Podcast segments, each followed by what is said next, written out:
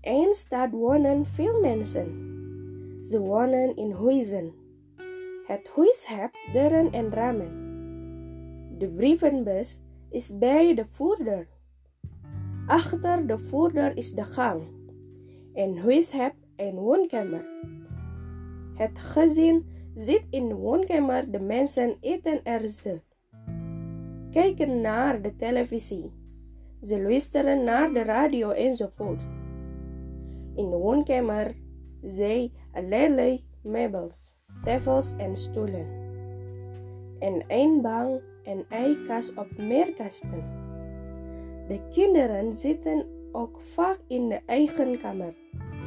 En huis heeft een slaapkamer en nog meer kamer. De man en de vrouw, de ouders slapen in de slaapkamer.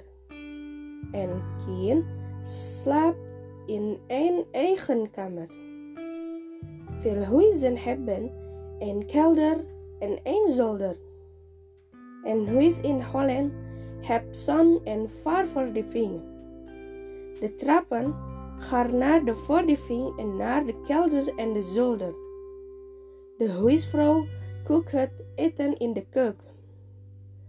Veel mensen eten ook in de moderne keukens. Het gezin neemt één bed in de bedkamer. Veel mensen nemen graag een douche. De huisvrouw was de kleren in de bedkamer. De slaapkamers hebben vaak een wastafel. De mensen wassen handen op gezicht bij de wastafel.